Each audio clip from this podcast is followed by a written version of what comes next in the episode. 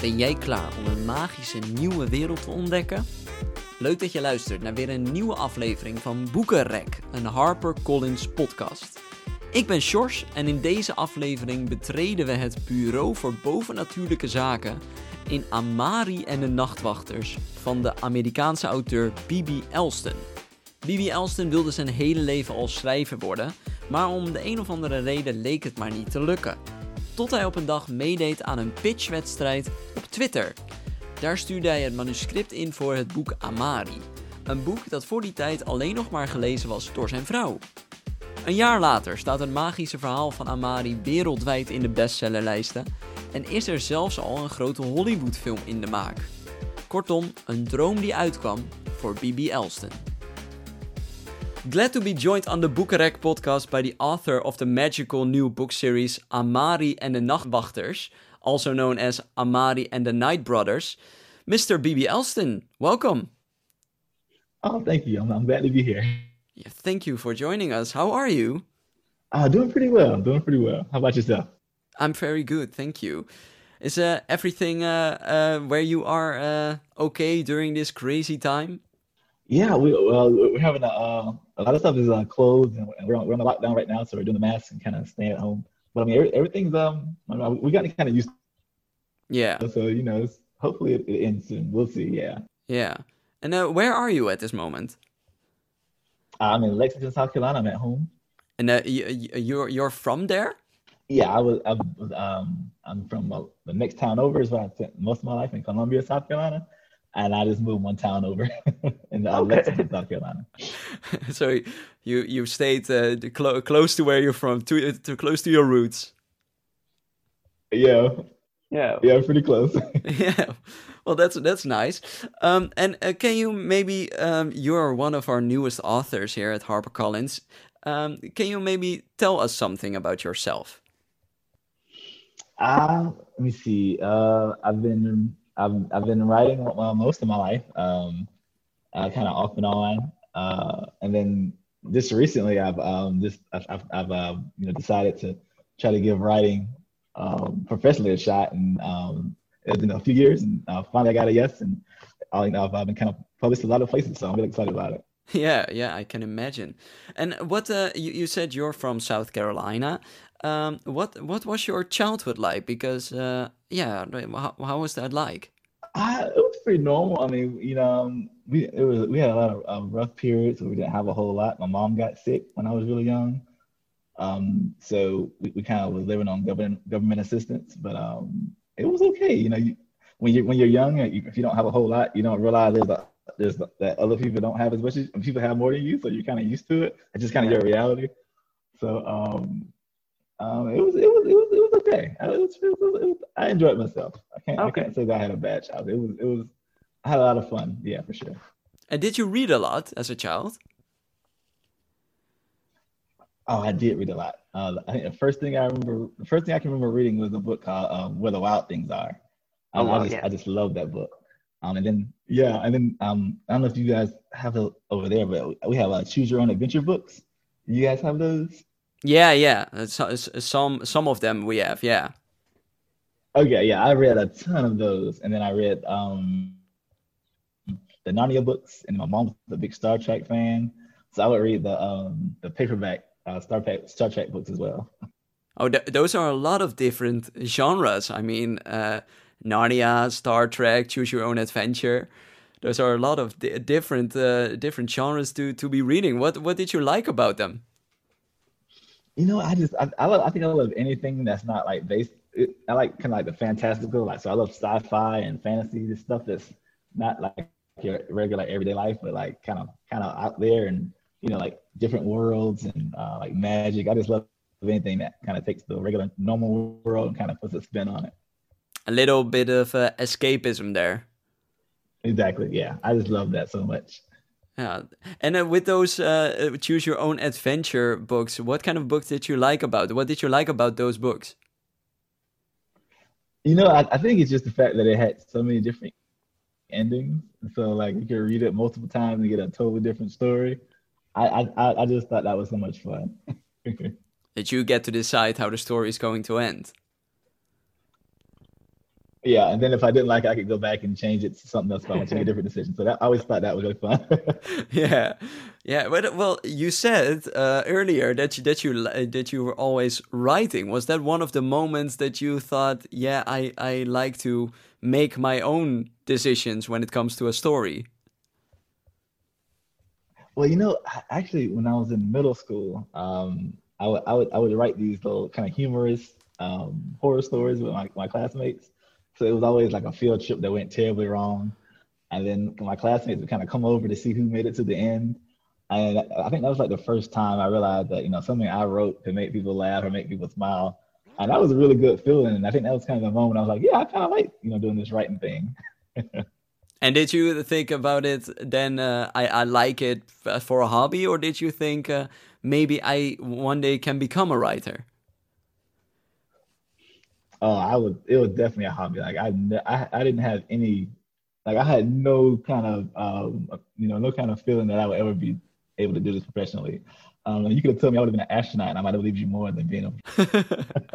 it just seemed, it just seemed like so far beyond anything I was able to do. You know, so um, I'm really grateful to be you know, kind of where I am now. Yeah, and you said you you were writing well through most of your life uh, some stories. When when when did that moment come when you thought, well, I'm gonna give it a shot? Well, I, well, I, I went from writing like like short stuff when I was in school, and and then eventually when I got older, like in my 30s, I said, you know, let me let me try writing a book. Let me just see if I it was just to see if I could do it. And then when I when I wrote the first one, I said, okay, well, I can do it. And I, so I, I tried to write a couple more. And at a certain point, I was just like, well, maybe I can make something. That maybe it's good enough to um, you know be on a bookshelf somewhere. And my wife was encouraging me. And so I finally just kind of took the plunge and, and you know, put, put it out there and, uh, and good stuff happened. And those, I mean, we published your first official book, so there are more books by B.B. Alston somewhere in the archives. Uh, yeah, on my computer, yeah. Yeah. I've never seen a lot of day, but they're on my computer. and what what kind of books were those? What kind of stories? Were they also the whole fantasy and magical books or completely different? Oh yeah, they were they were more fantasy. That, that that's where my heart is. I think it's uh, fantasy stories. Just um, you know, it's just you know, like taking the world and putting a twist on it, a fun twist on it, and just and how the characters like react to that. I think that's just that's that's probably my favorite thing uh, to read, and that's definitely my favorite thing to write as well. Yeah. And who read those first books? Was that your wife alone, or did you have some uh, some readers uh, you uh, tested them on? Uh, just my wife, really. She's the only one I was brave enough to give it to. did she like them? She did. She did. Um, I, I wonder now if she would have told me if she didn't, but I believe her. well, she did. She did encourage you, right? she did. She did. Yeah. Well, that's a good sign. Uh, and and I heard then, yeah, uh, and I heard something happened in 2018 concerning a certain tweet. Um, can you tell me more about that? Yeah, for sure. Um, so I had made the decision because I, I, had I had been trying to write for uh, to get published. Uh, you know, the first step is to get an agent first. So I was trying to get an agent. It had been some years at that point, and it just it just wasn't happening for me. Um, so I said, well, let me let me let me try this other dream of mine. I was the uh, go to try med school. So uh, I actually got accepted to uh, school in Pennsylvania, and so I was uh, um, going to a, a, a, a, temporary job for the holidays to kind of get, get some money, for, you know, kind of uh, save some money for the move. And uh, they didn't have my paperwork ready, and so um, I started you know, scrolling on Twitter like I always do. I'm bored, you know, you pull the phone out and start scrolling through Twitter, and I see there's a pitch contest. And so I said, well, I, I have a book I've written, but you know, I had kind of given up on writing at that point. I kind of kind of moved on. But I mean, it was it was a, a, contest right there, and I was I wasn't doing anything else, so I decided to enter it. I put the book in there, and it got it got a lot of it got a, a lot of responses, and um, from there I got my agent, and uh, she got me um, a, a book deal. Uh, she took it to the book fair, uh, I think the, oh, the Bologna Book Fair, and then they got like like like all these deals around the world, and then um, we got a, a, a great deal at HarperCollins uh, in, in, in the United States as well. Um, we end up getting a movie deal, and then kind of everything kind of has gone from that point. It's been really exciting. Yeah, so so that that book that you decided to pitch, that was the first version of Amari. It was. It was. Yeah. And and uh, what what happened then? That you uh, you pitched it and then they contacted you, or did you see a lot of tweets, or did you get some reactions? What what happened? Well, well so you the, the way the contest works is you put your pitch out there, and then agents have an opportunity to respond and say they're interested. And if they are interested, and you you're able to send it to them, and they'll kind of prioritize it and read, kind of read that first. And so I had gotten like 20 responses, and um, uh, Gemma and a few others had you know contacted me like really soon after to say they really loved it and they wanted to represent me. And so that's kind of how it started. oh wow, wow! So really a stroke of luck then. Yeah, you know, I went back and forth so many times, like whether I should do it. You know, I kind of said, no, nah, nobody's going to see it. And then I went back, like, well, what do you have to lose? And so I went back and forth a few times. And then, you know, that's kind of probably one of the biggest decisions in my life to this point was um, deciding, deciding to send off that tweet. Yeah. And uh, but how was that whole experience for you? Because, like you said, you you've you've uh, written so, uh, some some books before, but you usually get a no from publishers or agents, and now this happened. What what was that like? It, I mean, it felt like I was in a book myself. You know, it's kind of like a fairy tale. I was like, wow, you know, you go from you know no no no to yes, and then so many more yeses that follow, and it was like it was kind of like a whirlwind. You know, it was really exciting. Yeah, and then everybody just knew Amari's all of a sudden. Yeah. Yeah. I mean, uh, when she took it to the fair, I got, got got deals so fast, and I was like, I couldn't believe it. You know. Oh you wow! Know, there was so much excitement for the book. Yeah, and I was I was you know kind of blown away by so much excitement. Yeah, I can imagine. And about Amari, because uh, yeah, that's that's the book that's getting published, uh, Amari and the Night Brothers. Um, can you tell me something how that whole idea about Amari, how that came to be? Well, um, uh, one, one of my favorite movies uh, is Men in Black, and that's the movie where Will Smith and he's uh, he's like a government agent and there are aliens in the world, and he's kind of um, you know there's like an agency that kind of keeps them secret from the from the from the rest of the world. And you know I always wonder like what if it wasn't just aliens, but what if it was like all the things that we consider the legends and myths you know, from like leprechauns and werewolves, like even the, you know, the abominable snowman. Like, what if all those things are real? You know, like what kind of agency would handle that, and how would it work, and how would it look like? Um, and then once I got the world, you know, I started thinking about a character, and then I started to wonder, like, what if a character who kind of represent the kind of childhood I had? What if that kind? What if a you know a black kid got to go to like a Hogwarts or or um, a Camp Half Blood, like uh, in the Percy Jackson books? And it really kind of went off from there. Just kind of combining those two ideas, um, and then kind of putting all the fun things that I like to put in books, all the fantasy and uh, the whimsical stuff, uh, and that's kind of how it came to be. Yeah, I, I read somewhere, like you said, you you made Amari a black character, and I read somewhere you um, you you you toyed with the idea to make her white, but that didn't work out, right? Yeah, I, I, you know when I when I first had the idea to have a black character, I, I kind of I chickened out because I had never read a, a, a, fantasy kids book with a black character, and so you know I was like, man, I, you know I'm already getting those. Like, am I really gonna am I gonna am I really gonna make it harder to get? I guess if I if I um kind of write the story of my heart, um, but you know it just at, at, a certain point I was just like, you know, I just I just got to do it, and so I, I wrote it, and it was you know it was so freeing because I was kind of used to taking kind of parts of myself out of the book. And so yeah, I got finally got the chance to leave that stuff in, and you know, that kind of represented me and the and the kids I grew up with, and and, and it kind of really made the difference for me. I feel like. Yeah, wow. Yeah, because when we meet Amari, she is kind of an outsider. She she uh, doesn't fit in with the groups. Uh, she gets uh, gets teased at school, and then there's her whole brother that's missing. Uh, her mother is working uh, uh, multiple jobs to keep things afloat. Was that whole situation something that you took from your own life? Oh, absolutely. Um, so I used to go to these summer camps, um, and it was on the other side of town, on like where I guess with a more um, affluent kids lived. And you know, I, I, felt like such like so so much of an outsider when I would go there because you know they would you know they would they would have these fancy cars and all these like you know fancy stuff and you know here's me just you know you know I, I, had a I had a, a, shirt that I had to use a, a paper clip to button up. wow.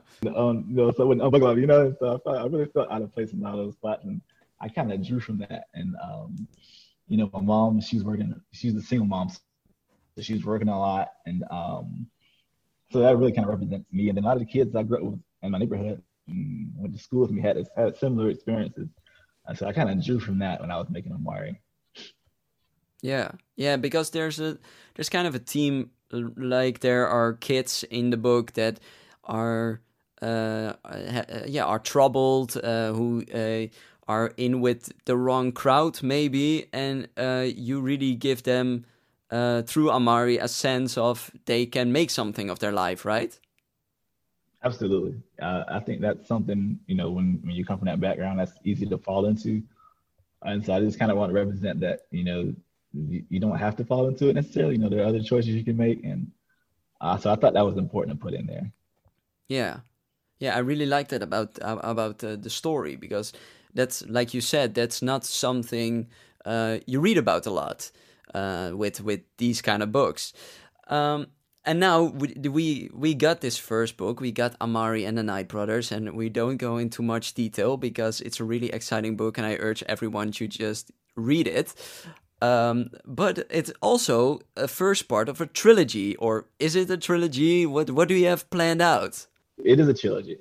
Um, so I'm right now I'm working on the second book, and that's gonna kind of take off uh, maybe a year from the first book, and it's gonna um, kind of you know kind of carry the story forward. There's some there's some stuff at the end of the book that's not totally resolved that you know um, that Amari can kind of uh, still has to work on, and you kind of get to see that um, in the second book and see and see more of the world too.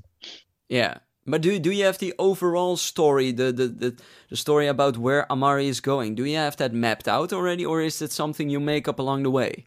It's mostly mapped out. Um, there's a few things that can change, but mo- mostly it's, it's mapped out. It's mapped out already. Okay, okay. So re- you really have an end goal in mind. Absolutely, yeah. yeah. The ending is already there. Oh, okay. Wow. And and how is that that second book coming along?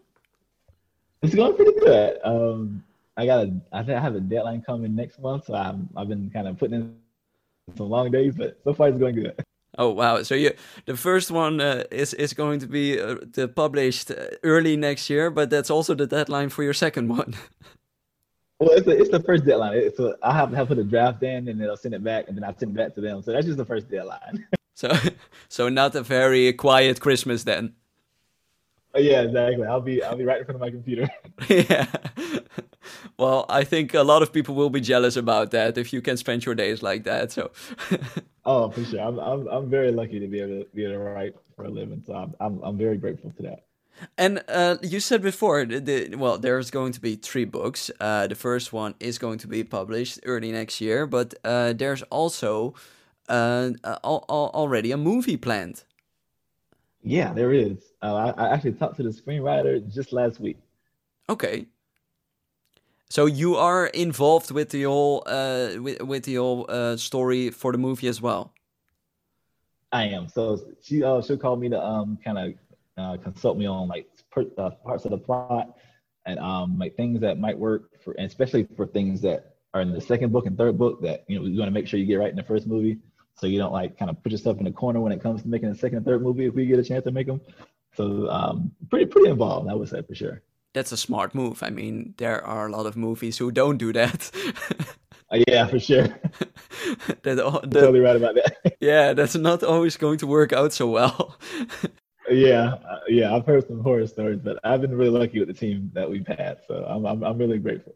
And uh, I saw John, Don Cheadle is producing, um, and and it's from Universal. That that's really it must be crazy for you if you think about where you were like two three years ago.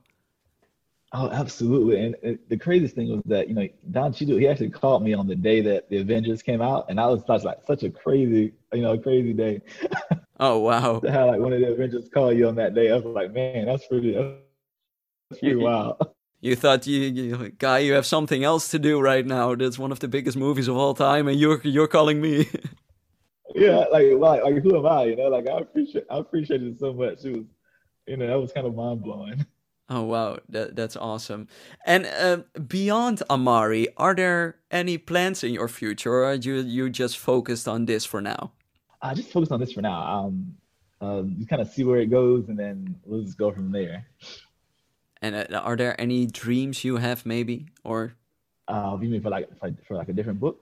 Yeah, or, uh, or if, if what you what, yeah what you uh, what, uh this is a like a uh, a magic fa- fantasy series. Do you have some things of to write that you thought, well, I always want to write that, or or like you said, you just stick with the things uh, you know, and that's the fantasy genre. Oh, I, I do love the fantasy, but I I'd love to maybe write something for a little maybe a, uh, maybe a age group older, maybe like teen, like like a young adult. Oh yeah, maybe try a young adult book. I would love to kind of you know try that one day. Yeah. Well, like I said, I'm really excited um, about the first book already. It's awesome. It's uh, it's really great. Uh, I'm uh, maybe as as well as yourself. I'm a Harry Potter kid. Um, yeah, and, and when I read this, I really got some some nostalgic vibes. Like as I thought, wow, this is uh, this is something like that, just just as magical, but also uh, something completely new. Yeah, that's how I was hoping that um, you know certain scenes that kind of mirror a couple of the scenes in Harry Potter. I thought it'd be really cool if, if you know, for uh, really special, especially if you're a big Harry Potter fan, um, to kind of have you know scenes that a little bit like it, but you know also have a twist, you know. So um, yeah, you know you enjoy that. Yeah. yeah, like I said, you have quite the the, the, the it's it's really a very, very well uh, balanced because, like you said, but there are some scenes that you get some vibes. Of, oh, this is something like Harry Potter, but then you put a very different twist on it, and you think, oh wow, this this is completely different. And that's exactly what I was going for. So I'm I'm really happy to hear you hear that. Yeah. Hear that. well. I urge people to, to read it as well, uh, Amari and the Night Brothers, in Dutch called Amari and the Nachtwachters. Um, I've read it in a day, so it's it's a book uh, to do that with. Just read it in a day; you won't be able to put it away. BB Alston, I really want to thank you for uh, talking to me on this podcast today. Oh, thank you for having me. I, I really enjoyed talking to you. It's a lot of fun. Ben je nou ook zo benieuwd geworden naar dit bijzondere en vooral magische verhaal? Amari en de Nachtwachters van BB Elston is vanaf 6 april overal verkrijgbaar. En dat was het weer voor deze aflevering van de Boekenrek podcast. Voor meer gesprekken vind je ons op Apple Podcast, Spotify en alle andere podcast apps. Ik hoor ook heel graag van jou als luisteraar wat je van onze podcast vindt en welke auteur je nog eens voorbij zou willen horen komen. Je kunt je suggesties sturen naar info@harpercollins.nl. Voor nu wens ik je nog een fijne dag. Blijf thuis, blijf gezond en blijf vooral lekker lezen. Tot de volgende keer.